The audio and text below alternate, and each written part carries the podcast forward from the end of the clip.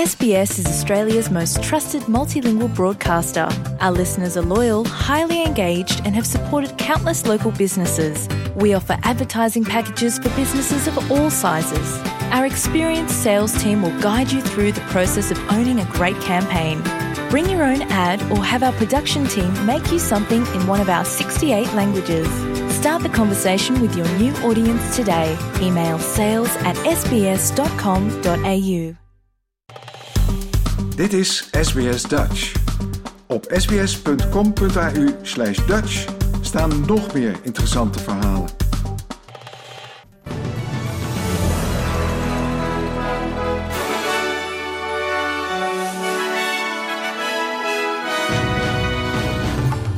Dit zijn de headlines van het SBS Dutch nieuwsbulletin van zaterdag 20 augustus. Aanval op hotel in Mogadishu. Levenslang voor IS-militant die Amerikaanse gijzelaars onthoofde. En Franse premier doet drugstest.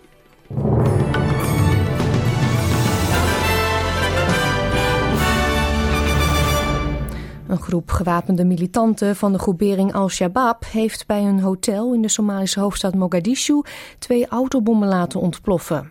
De aanvallers gingen daarna het gebouw binnen en openden daar het vuur. De groep heeft een verklaring vrijgegeven waarin staat dat ze iedereen in Hotel Hyatt neer zullen schieten. Al-Shabaab vecht al meer dan tien jaar om de Somalische regering omver te werpen.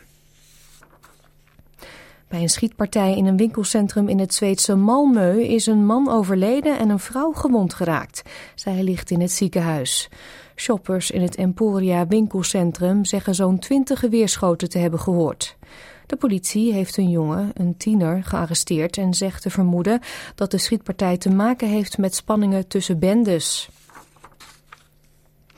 Een rechtbank in de Verenigde Staten heeft een levenslange gevangenisstraf opgelegd aan een lid van IS die in Irak en Syrië vier Amerikaanse gijzelaars heeft onthoofd. De Britse staatsburger El Shafi El Sheikh maakte deel uit van een groep die de bijnaam de Beatles kreeg vanwege hun Engelse accenten. Journalist James Foley was een van de Amerikaanse gijzelaars die werd onthoofd. Zijn moeder, Diane, is blij met de levenslange gevangenisstraf. Justice has been served too often when uh, there's violence to our U.S. nationals in the world, there's no accountability. So this is a momentous day. Um, and thanks to our Department of Justice who has worked on this and continues to work on it to get answers. So we're incredibly grateful. De Russische president Vladimir Poetin stemt in met een inspectie van de Oekraïnse kerncentrale bij Saporia door het internationaal atoomagentschap. Dat meldt het Kremlin na telefonisch overleg tussen Poetin en de Franse president Macron, waarin Macron zijn zorgen uitte over de kerncentrale. De exploitant van de Oekraïnse kerncentrale zegt te vermoeden dat Rusland van plan is de centrale los te koppelen van het Oekraïnse elektriciteitsnet. Poetin zegt via het Kremlin dat de beschittingen op de door de Rusland gecontroleerde nucleaire site, waarvan hij Oekraïne de schuld geeft, een groot risico op een grootschalige ramp met zich meebrengt. De secretaris-generaal van de Verenigde Naties, Antonio Guterres, zegt te hopen dat door gesprekken tussen Rusland en Oekraïne de faciliteit weer onder civiele controle komt. What is true is that if we demilitarize as we propose the plant, the problem will be solved. And obviously, the electricity from Zaporizhia is Ukrainian electricity, and it's necessary, especially during the winter, for the Ukrainian people. Apple zegt dat mensen met iPhones, iPads en MacBooks zo snel mogelijk de nieuwste software-upgrade moeten installeren. Er is namelijk een fout ontdekt waardoor hackers de volledige controle over apparaten kunnen krijgen. Cybersecurity-specialist Lisa Plagemier zegt dat mensen snel moeten handelen om zichzelf te beschermen. Well, I'd say that this vulnerability should be taken really seriously because it does it does give somebody full admin access without you even realizing that it's happening, without you clicking on anything, without you having to, uh, you know, click on something that, that lets the bad guys in. And so it is really, really important that you run the update as soon as possible. De Finse premier Sanna Marin heeft een drugstest ondergaan na ophef over een filmpje waarin zij danst en feest met vrienden.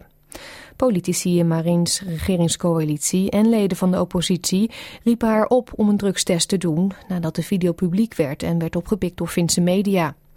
Critici vinden Marins gedrag ongepast. Ook kreeg ze veel steun. De 36-jarige premier vindt het vervelend dat de beelden online zijn gekomen. Ze benadrukt dat ze nog nooit drugs heeft gebruikt en alleen alcohol had gedronken en dat ze dat weekend geen vergadering gepland had. I didn't have any meetings, for example, Saturday or Sunday.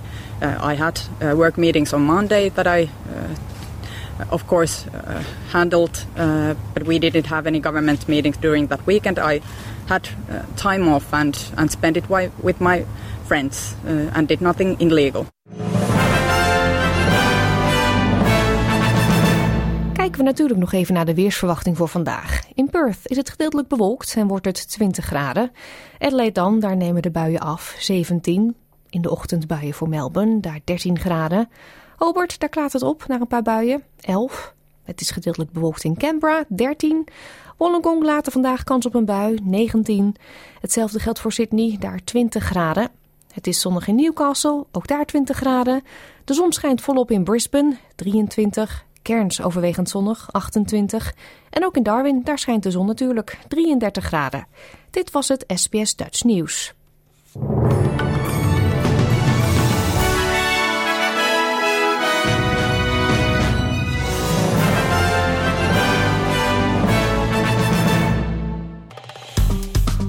Like, deel, geef je reactie.